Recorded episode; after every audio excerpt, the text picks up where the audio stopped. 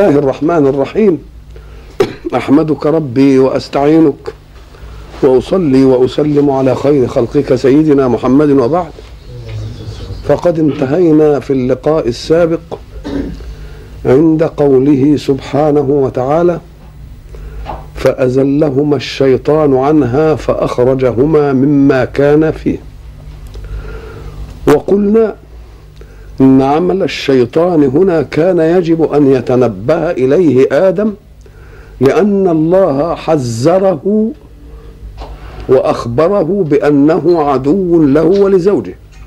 وهب أن الله لم يخبره بذلك فكان يجب أن يأخذ من سوابق أحوال إبليس معه أنه متهم في أي نصح يقوله لأنه قال أنا خير منه. وكان يجب أن يعمل عقله اولا إلى أن إبليس حينما سأل الله أن ينظره إلى يوم يبعثون متناقض تمام التناقض مع قوله هل أدلك على شجرة الخلد وملك لا يبلى فلو أن الأمر كان كما يقول إبليس لآدم ولزوجه كان يكفيه أن ياكل هو من الشجرة وأن لا يسأل الله أن ينظره إلى يوم يبعثون. قلنا أن الحق سبحانه وتعالى حينما تعرض لمسألة آدم قال مرة فنسي ومرة وعصى آدم ربه فغوى وأجبنا عن ذلك بأن النسيان قد يكون مسموحا به لأمة محمد صلى الله عليه وسلم وكان معاقبا عليه في الأمم السابقة.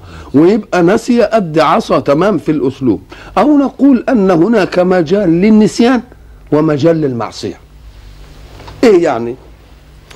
قال لك الحق إنما آخذهما على أنهما أكلا من الشجرة.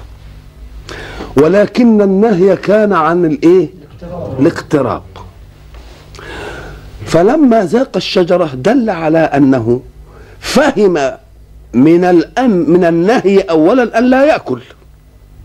ونسي أن الأمر بالاقتراب وهو لا يأكل إلا إذا اقترب.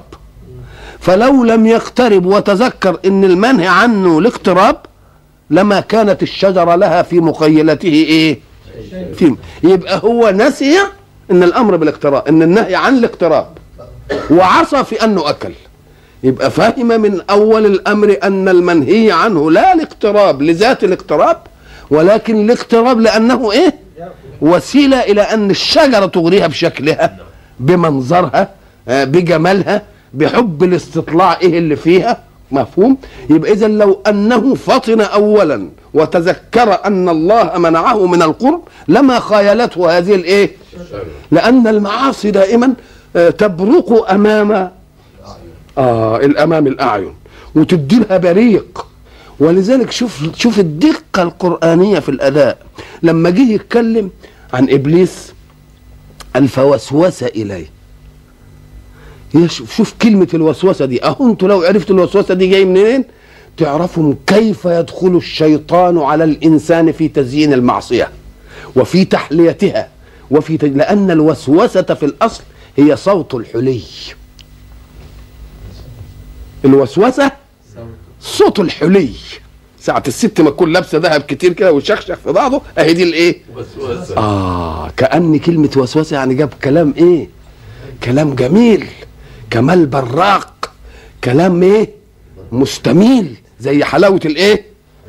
الوسوسة دي بتاعت الإيه؟ بتاعت الحلي.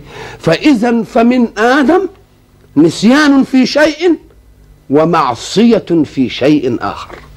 فلا حاجة لأن نقول إن النسيان كان كذا والمعصية كذا والنسيان يلتقي بالإيه؟ بالمعصية. لأن لو أن النسيان كان معصية في الأصل كان يبقى عصى في الاثنين وخلاص وانتهت المسألة. مش كده ولا لا؟ إنما كانوا يجيبوا مرة ناسية ومرة فعصى آدم ربه فغوى يبقى نقول لازم وقع منه الأمرين الاثنين نسيان ومعصية. أما المعصية فلأنه خالف النهي لأن النهي فهم منه أولا حين لا تقرب هذه الشجرة أن المنهي عنه هو القرب ولا الأكل. يبقى هو فهم منه الأكل. خلاص كده؟ يبقى لما كل ولذلك فلما ذاق الشجرة فأكل منها يبقى ادي المعصيه يبقى اذا النسيان نسي إن ربنا قال له ما تقربش من الشجرة عشان ما تحمش حولها لأن من حام حول الحمى يوشك أن يوقع فيبقى نسي لها مدلول وناحية وجهة وعصى لها مدلول وجهة وناحية. إذا فالجهة إيه؟ الجهة زي ما بنقول الجهة منفكة. الجهة ولا داعي لتعب المفسرين والعمليات الطويلة العريضة دي. أو أن النسيان يرادف المعصية بالنسبة لآدم فقط. ليه؟ لأنك أنت تنسى شيء. إذا كان في زحمة أشياء. إنما ده التكليف بأمر واحد. أمال افتكرت إيه؟ لا إله إلا الله. الله ده التكليف بأمر إيه؟ أمر واحد. كل ودي شهوة نفسك مش هتقول فيها تكليف بقى. ده أنت حقيقتك يعني ما إنما الكلام في النهي. لأن ما دام كلا رغدا حيث شئتما يبقى دي ما مش عايزة منك مجاهدة نفس. مش كده؟ يبقى اذا مجاهدة النفس هتيجي فين؟ لا تقربها. يبقى نهي واحد. طب لما تكون نسيت الحكاية دي تبقى افتكرت إيه من منهج الله في التدريب؟ يبقى كأن ده ما كانش صح إنه يتنسي لأنه شيء إيه؟ شيء واحد. هذه واحدة. فنسيانك له يعد معصية. الله. لأن ما فيش غيره. امال هتبقى فكرت إيه من التجربة؟ آه الأول برضه نظرة تانية.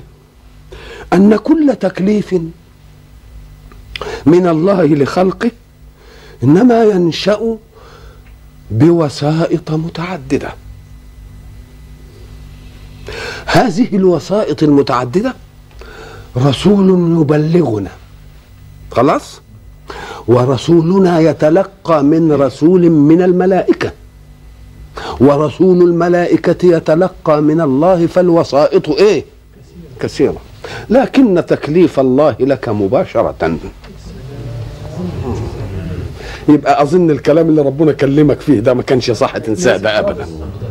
إحنا ضربنا مثل وقلنا لماذا أخذت الصلاة وضعها من الدين وهي الفارقة بين المؤمن والكافر؟ ليه؟ قال لك لأن تكليف كلف بواسطة ال- الوحي.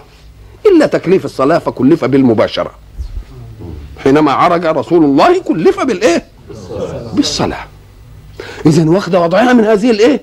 فكان من الواجب إنك أنت تكليف من الله مباشرة. وأنا قلت برضو علشان أوضح الحكاية دي والهب أنك مرؤوس لرئيس والرئيس يريد أمرا روتينيا. الأمر الروتيني بيتمضي ورق ويروح بقى هنا ويتنقل ويروح. هب إن الأمر أهم شوية يقول لك إيه يكلمك في التليفون يقول لك والله جاي لك المعاملة الفلانية أريد منك كذا وكذا وكذا. ما, ما راحتش إيه؟ روتيني. يبقى دي أهم شوية. افرض إنه قال لك تعالى لي هنا. لأن أنا عايزك في أمر مهم ورحت عنده قال لك اعمل الشيء الفلاني والشيء الفلاني. ده يبقى ده صا- صاحبها قاعد وياه على المكتب. وبده يثبت له بقى يعني الأهمية وانه آه هي دي. يبقى برضه ما كانش صح بقى إيه؟ إن دي تتنسي. لأن التكليف إيه؟ تكليف مباشر. آه. يبقى إذا حينما تأتي في القرآن علشان كده تجد ما فيش فيه تناقض ابدا. واللي يقعد يقول لك تعارض وإيهام التعارض والمش عارف الإيه وبتاع ده كلام غير فاهمين عن الله. غير فاهمين عن الله. و و و وتذكروا جيدا عند كل معصية يزينها الشيطان كلمة وسوسة دي. والآه من الحلي بتاع البت هي الحلي البت دي هي اللي جايبة الإيه؟ الكف. هي دي الوسوسة. لأنه ما يوسوسكش إلا بكلام إيه؟ يستميل أذنك كده ويعجبك ويطريك ومش عارف إيه والى اخره الحكاية دي. آه. يبقى إذا ده كل عملية الشيطان. طيب. آه سواء كان النسيان أو المعصية متفقين أم مختلفين أم هي معصية بالنسبة لآدم لأن التكليف بشيء واحد أو لأن الله هو الذي كلفه إيه؟ مباشرة وكان من مقتضى ذلك إن التكليف ما يغيبش عن مين؟ عن باله. أو أن النسيان لشيء وهو القرب والمعصية لشيء وهو الإيه؟ وهو الأكل. خلصنا من دي. هنا قلنا إن إبليس عصى. وقلنا إن هو مش من الملائكة علشان سورة الكهف أعطتنا إلا إبليس كان من الإيه؟ من الجن. انتهى. وإذا ما رأيت نصا محكما ونصا إلزاميا أو محتملا تقوم تحمل النص الثاني على النص الأول. لأنك أنت ما عرفتش ما بتقولش إنه ملك إلا لأن الله قال للملائكة اسجدوا وبعدين سجدوا إلا إبليس فربنا عاقبه. قلت أنت ده لازم يبقى من الملائكة. وقول وإحنا قلنا الجواب على دي. لكن ده في آية تانية إلا إبليس كان من الإيه؟ من الجن. والجن كالإنس خلق له اختيار في أشياء. حين يكلف الله بفعل ولا تفعل يبقى معناه إنه مختار في أن يفعل أو لا. وهم بالشكل دي. صحيح هو كان طائع وكان طاووس الملائكة إنما لأنه من الجن فسق عن أمر ربه. إلا إبليس كان من الإيه؟ كان من الجن ففسق وفسق الجن المكلف في أمر اختياري صح يعصى ويصح إيه؟ يبقى رجع لأصله. رجع لايه لاصله إنه هو مختار يعصي ويطيع أدي إيه؟ تبقى المسألة كده. طيب هو عصي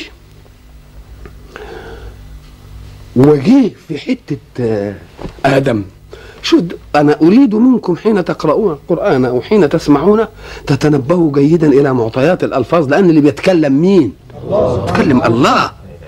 لما يجي ولا تقربا هذه الشجرة فتكون من الإيه؟ الظالمين. من الظالمين. ولما جه يتكلم عن إبليس قال له من الك- إلا إبليس كان من الجن آه، قال عليه من الكافرين. الله. مش برضو قال من الكافرين؟ في أيوة. السوره دي نفسها. مم. آه. وإذ قلنا للملائكة اسجدوا لآدم. فسجدوا إلا إبليس أبى. واستكبر. دي نسيناها إحنا دي. أبى. ها؟ واستكبر. وكان من الإيه؟ من الكافرين. لكن هو قال له ما تقربوش الشجرة دي إن قربتوها هتبقوا من الإيه؟ من الظالمين. والاثنين مخالفة. دي مخالفة ودي إيه؟ دي مخالفة لأمر ودي مخالفة لإيه؟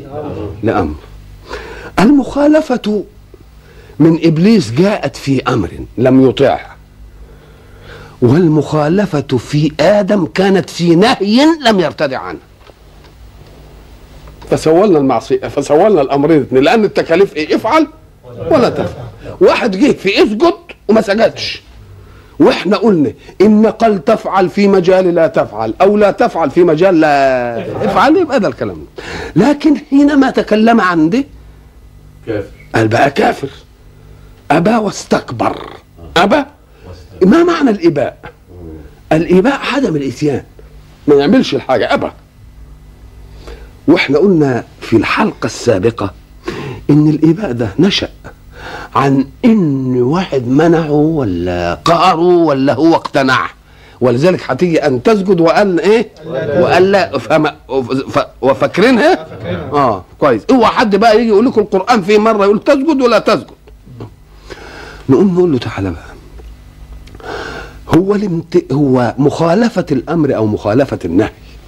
مطلقا هنسميه معصية. قال لك. آه قال لك لا ده المعصية أن تكون مؤمنا بالأمر. الأمر صح بس أنت خالفته إنما حين لا تؤمن بالأمر تبقى رديت الحكم على الله. مم. شوف الفرق. الفرق إن ده هيبقى من آدم إيه؟ ظلم. ظلم نفسه. لأنه عصي. ومعنى المعصية أنك محترم الأمر ومحترم النهي. لكن الذي رد الأمر ويقول له لا ما كانش لك حق تأمرني إن نسجد لأنني أحسن منه. ده يبقى معصية ولا ذنب ده؟ مش معصية ده كفر. آه يبقى دي غير دي. يبقى الذي يناسب إبليس أن نقول له من الكافرين ولا لا؟ لأنه رد الأمر على الله وقال اسجد لمن خلقت طينا؟ أنا خير منه خلقتني من آه يبقى رد الأمر على الآمر. إنما آه آدم غلبان أنا ظلمت نفسي. كأن أمرك يا ربي صح بس أنا اللي إيه؟ ظلمت نفسي. يبقى دي معصية. ولذلك دي لما تيجي في القرآن يقول إيه؟ إن الله يغفر الذنوب جميعا.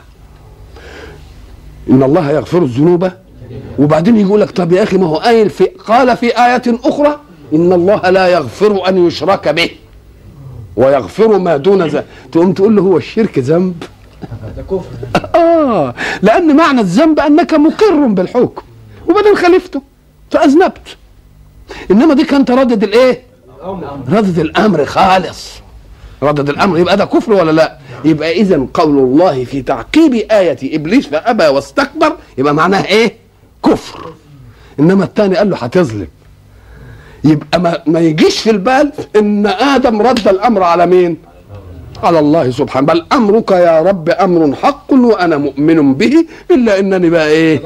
ظلمت نفسي وعملت الإيه؟ العملية لأن ما- يتعارضش لأن الكفر أو الشرك ليس ذنبا. إنما الذنب أن تخالف شيئا كلفك به من آمنت به ولم ترد عليه الإيه؟ ولم ترد عليه الأمر. يبقى أنت مذنب صحيح. على الأول. كلمة ابى واستكبر بيعلل لنا علة الإباء. علة الايه؟ امتناع الايه؟ استكبار ودي مش شرحها الآية أسجد لمن خلقت طينا يبقى ما هو الاستكبار؟ الاستكبار يعني إيه هنا؟ أم قال لك الاستكبار أن تضع نفسك في منزلة فوق ما تستحقه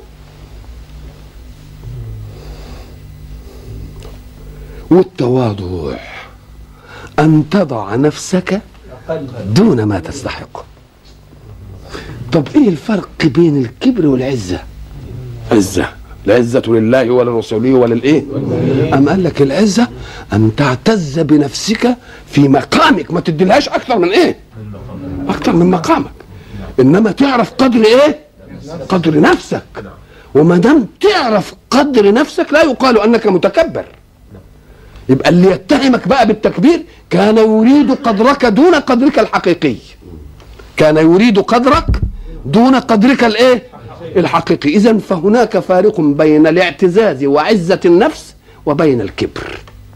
وبين الكبر. الكبر إنك أنت تاخد وضع فوق ما تستحقه.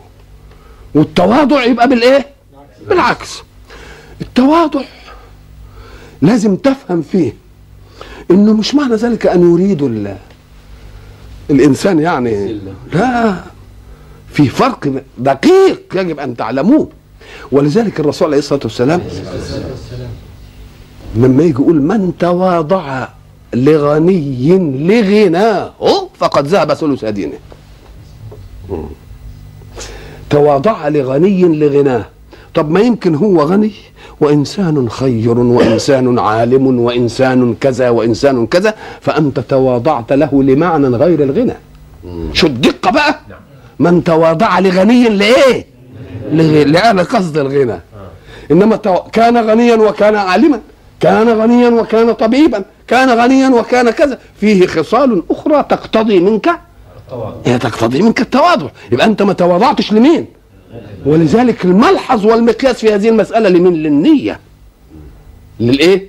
يبقى اللي عايز بقى مركز يدي لنفسه مقام فوق ما يستحق هو ده اللي إيه؟ هو ده المتكبر.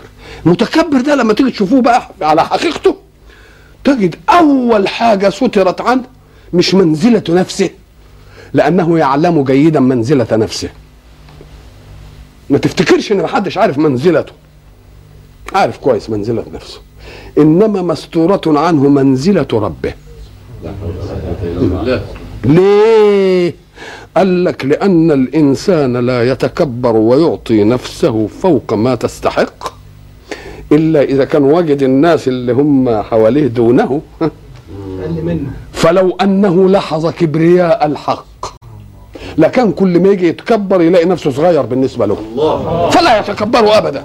يبقى ساعة ما تشوف واحد متكبر يقول له بس أنت محجوب عن الحق. على طول كده. احكم عنه بأنه محجوب عن الحق. لأنه لو كان يشهد كبرياء الحق وعظمة الحق لهانت نفسه عليه. ولما استطاع أبدا أن يتكبر على ي- ي- ي- يجد نفسه حتى ولو في مقام يستحقه هو أعلى إنما فيه أعلى منه. الله فيه إيه؟ ساعة ما يشوفش اللي أعلى منه ده يعمل إيه؟ آه ولذلك تجد إن المجتمعات بتشقى كثيرا من إيه؟ تسمع منهم كتير نكران الجميل مثلا نكران الإيه؟ إنك عملت جميل في واحد وقول له يا أخي ما هو أمر طبيعي. ما دام أنت كنت عامله عشان يبقى لك جميل عنده يبقى لازم ربنا يعاقبك بإن الجميل ده ينكر منه ويديك على دماغك. الله لو كنت أنت عامله لربنا آه حاجة ثانية مش أنت عامله ليه ده؟ ده بالعكس. ده فيه ناس إذا ما كبروا كان كانوا لم يكونوا شيئا مذكورا. كانوا مثلا تافهين. وبعدين ربنا أراد أن يوضعهم في وضع يقول كل من له فضل عليهم فيما مضى يكرهون رؤيته. ليه؟ لأن هو ده اللي رآهم وهم صغيرين. ده اللي رآه وهو لسه غلبان شحات ولا غلبان ملوش قيمة ولا غلبان مهمل ولا غلبان ملوش نباية شأن. يوم ساعة ما واحد يشوفه في الوضع دي هو ده اللي يدوك كبرياءه يقوم يحب انه ما يشوفوش ابدا. لا إله إلا الله. وساعة ما يكون قاعد نافش في وسط جماعة كده. وبعدين يجي واحد من اللي كان شايفه زمان آه، مش عارف إيه يروح يسابه إيه يقول انكب دمه. ينكب دمه.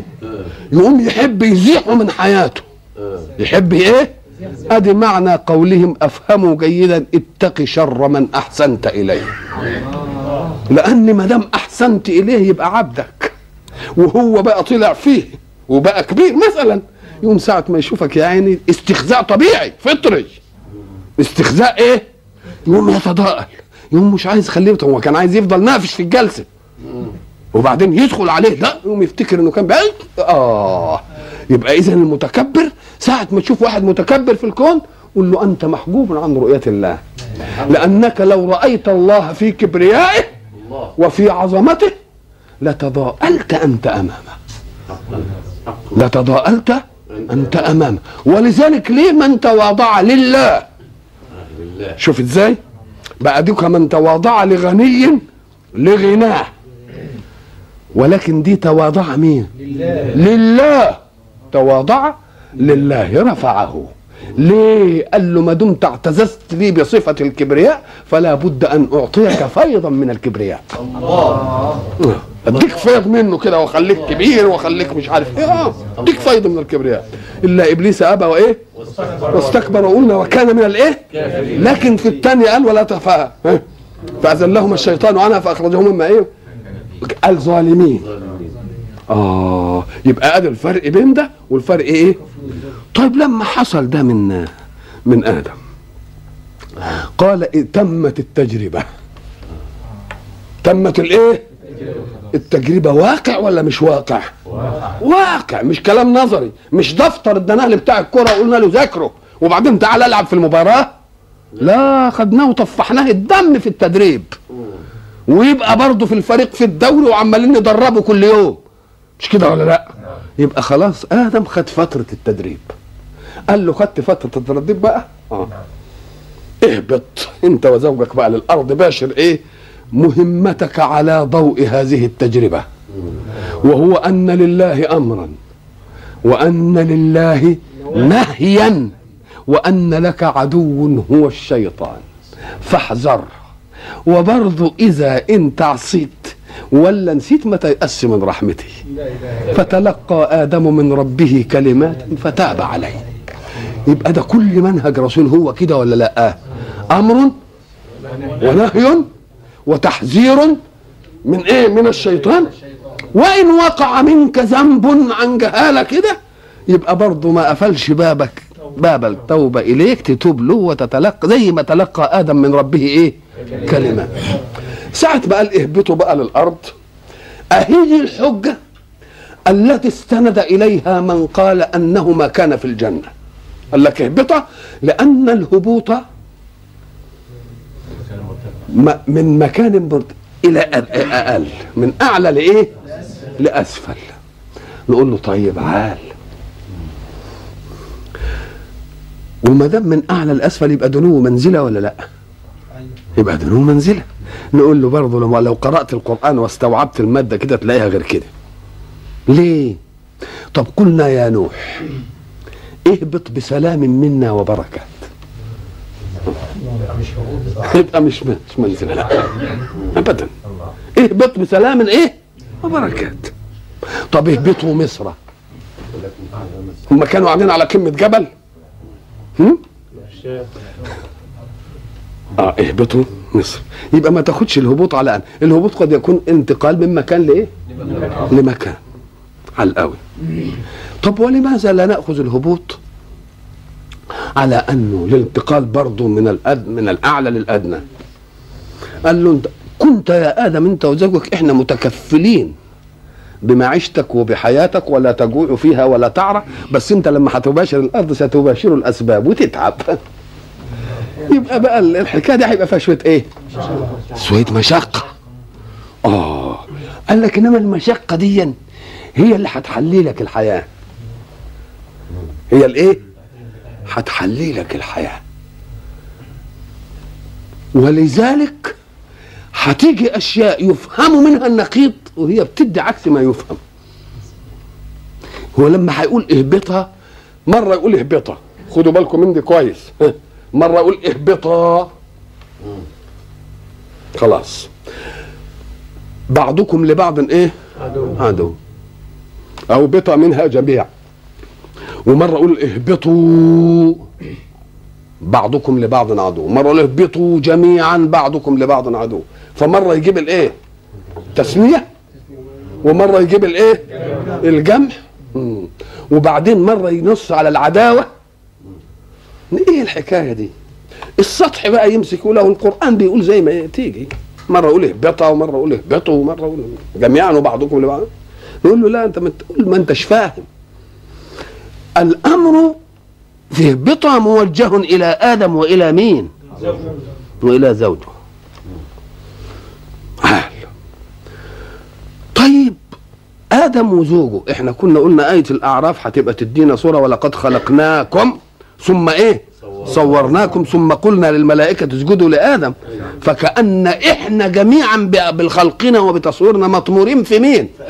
زي السنتيمتر المكعب إياه. مش كده ولا لا؟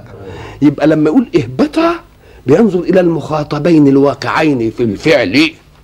ولما يقول اهبطوا لأن إحنا مش هننسرق من أدم ونطلع تاني. ما هو ما دام أدم هبط ذريته هتبقى هنا. آه يبقى اهبطوا يخاطب يخاطب النسل إلى يوم القيامة. الله. في شخص مين؟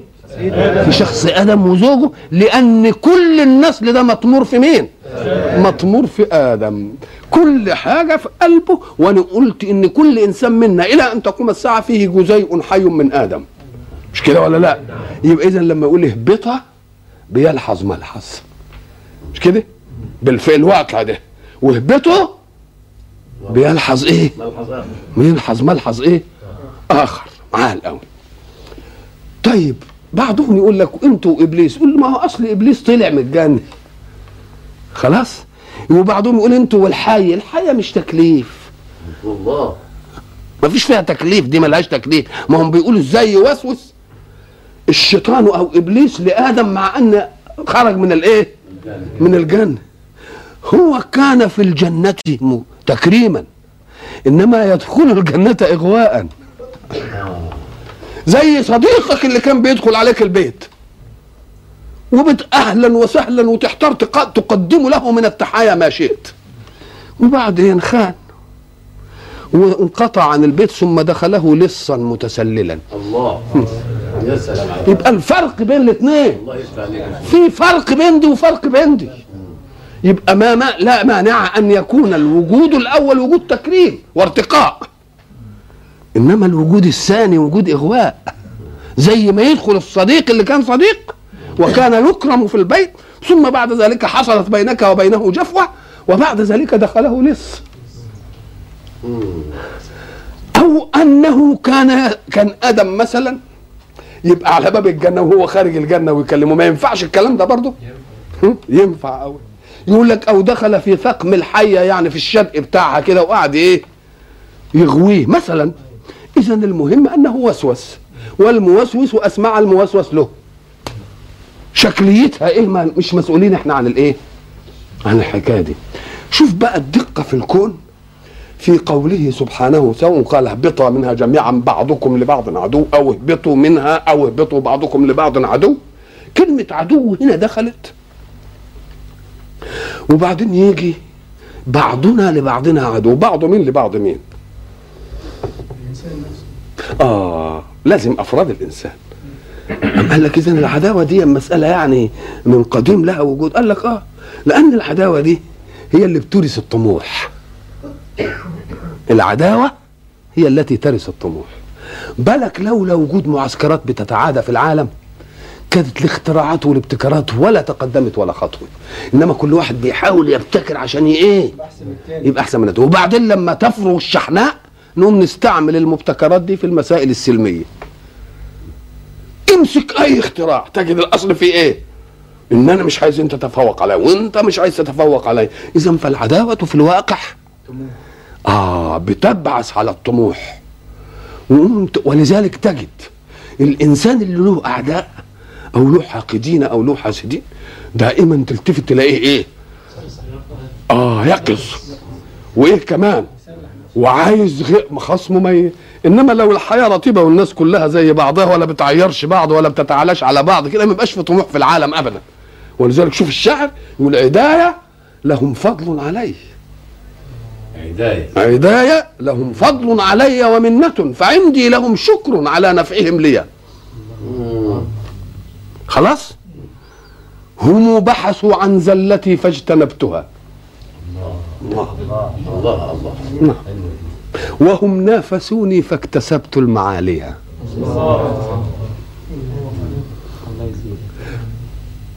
اذا كلمة عدو دي هي معناها إيه؟ التي تعطي الخميرة الأولى لطموحية الإنسان.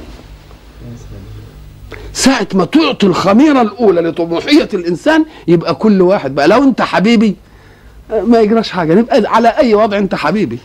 إنما عدوي ما أحبش أن تتفوق علي. ولذلك ولذلك الحق سبحانه وتعالى يوم يقول وفي ذلك فليتنافس الإيه؟ معنى متنافس المتنافسون يعني إيه؟ يعني كل القوي بايه؟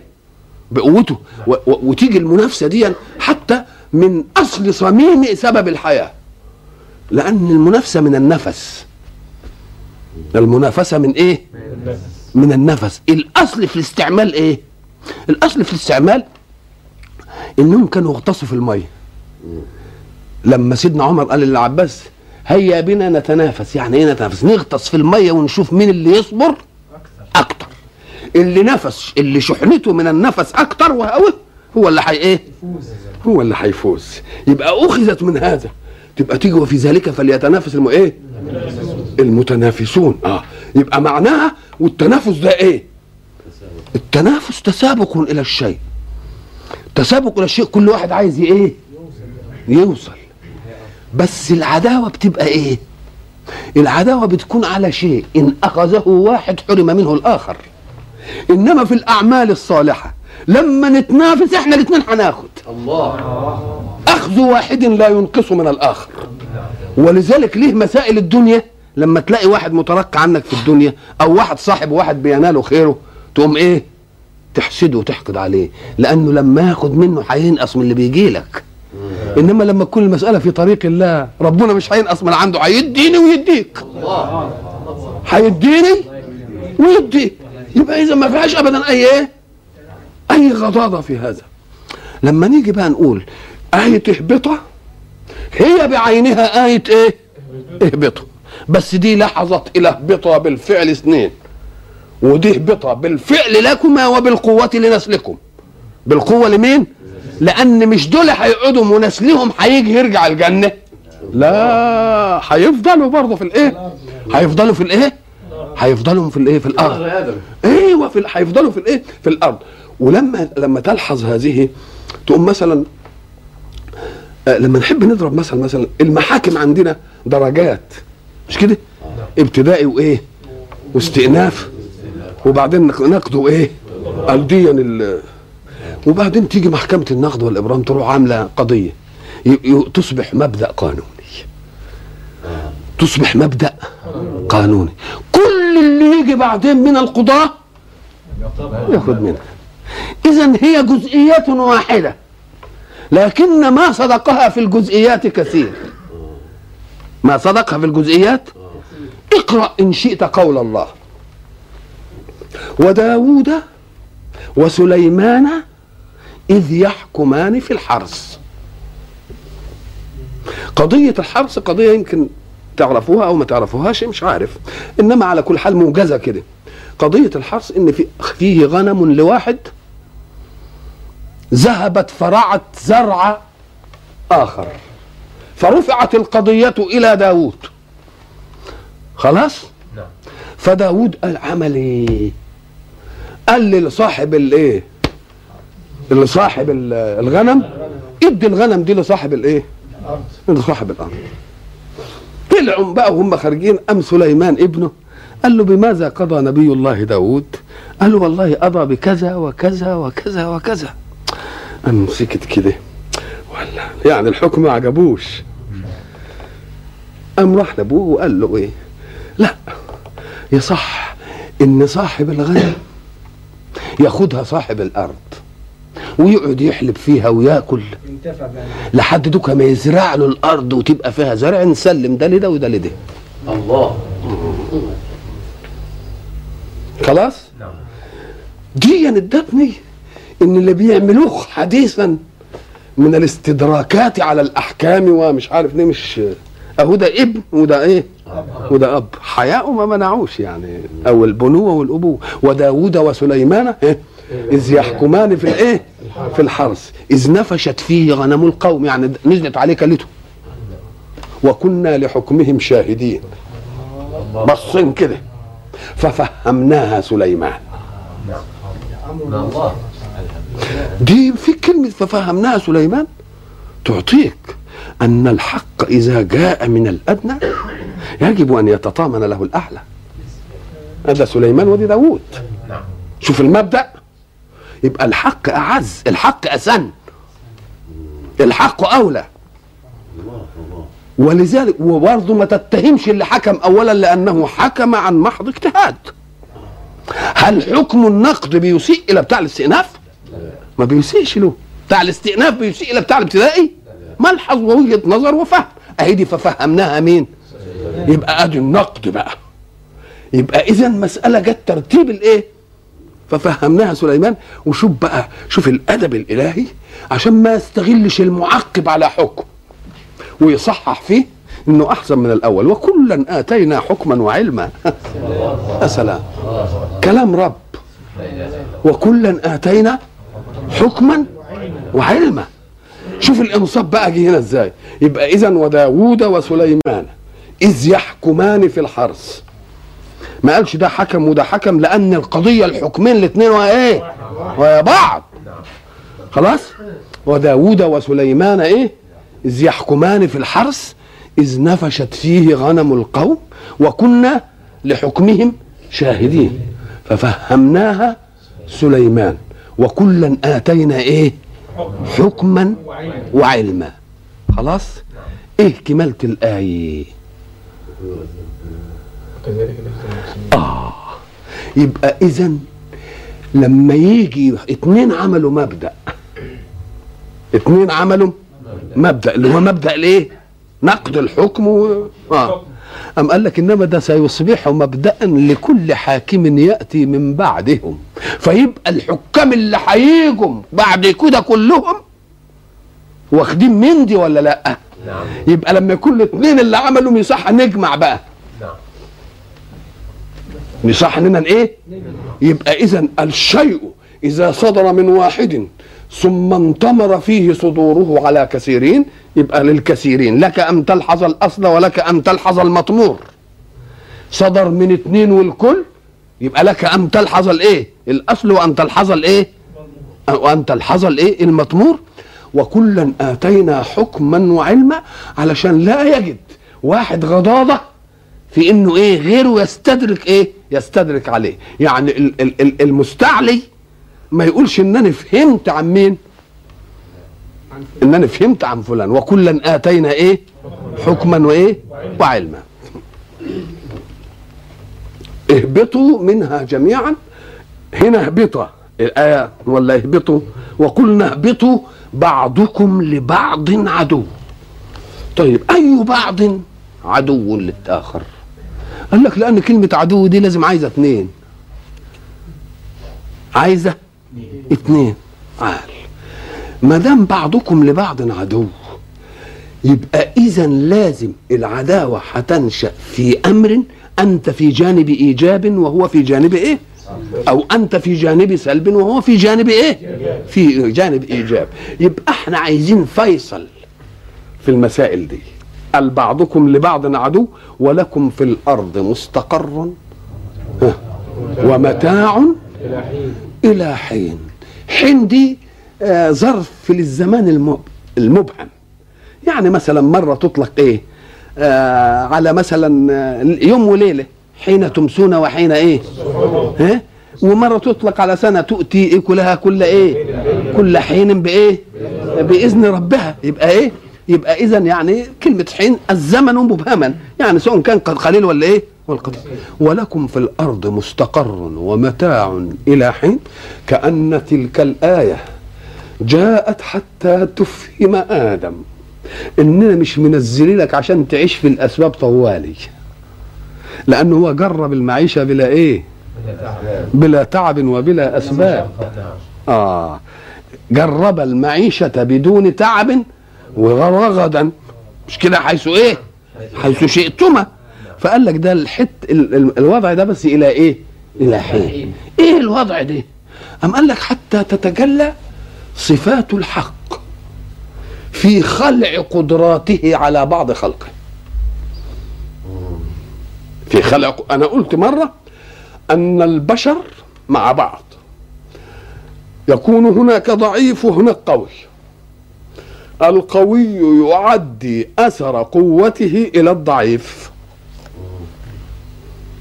يعني لا أستطيع حمل هذه. يوم يجي واحد أقوى مني يعمل إيه؟ يحملها لي. يبقى عدى لي قوته ولا أثر قوته؟ وأنا ظللت إيه؟ ضعيف زمن زي ما أنا. لكن الحق سبحانه وتعالى يستطيع أن يعدي من قوته إلى الضعيف فيقوى هو نفسه. هذه العظمة. فيقوى هو إيه؟ نفسه. و- وإذا فالعظمة مش في أن يقدر الله؟ لأن دي مسألة من غير نزاع. نعم. لكن العظمة في أن يقدر غير القادر. أدي العظمة. في أن يقدر غير الإيه؟ ولذلك أنا قلت لكم مرة أن إبراهيم عليه السلام لما ربنا ابتلاه بآيات كتير وأتمهن وبعدين بقى قال له أرني إيه؟ كيف تحيي الموتى؟ مش كده؟ قال أولم تؤمن؟ قال بلى. يعني بلى يبقى أنا آمنت. طب ده بيقول ولكن ليطمئن قلبي. طب ما دام عايز طلب اطمئنان القلب يبقى كيف يوجد الإيمان؟ ده الإيمان هو اطمئنان القلب. واطمئنان القلب أصبح مطلوبا لإبراهيم. وهو بيقول بلى آمنت. يبقى ده في إيه؟ شبه تناقض كده. نقول له لا يا أخي افهم. السؤال لا عن قدرة الله على أنه يحيي الموتى ولكن عن الكيفية التي يحيي بها الله الموتى. ما قالوش هل أنت تحيي الموتى؟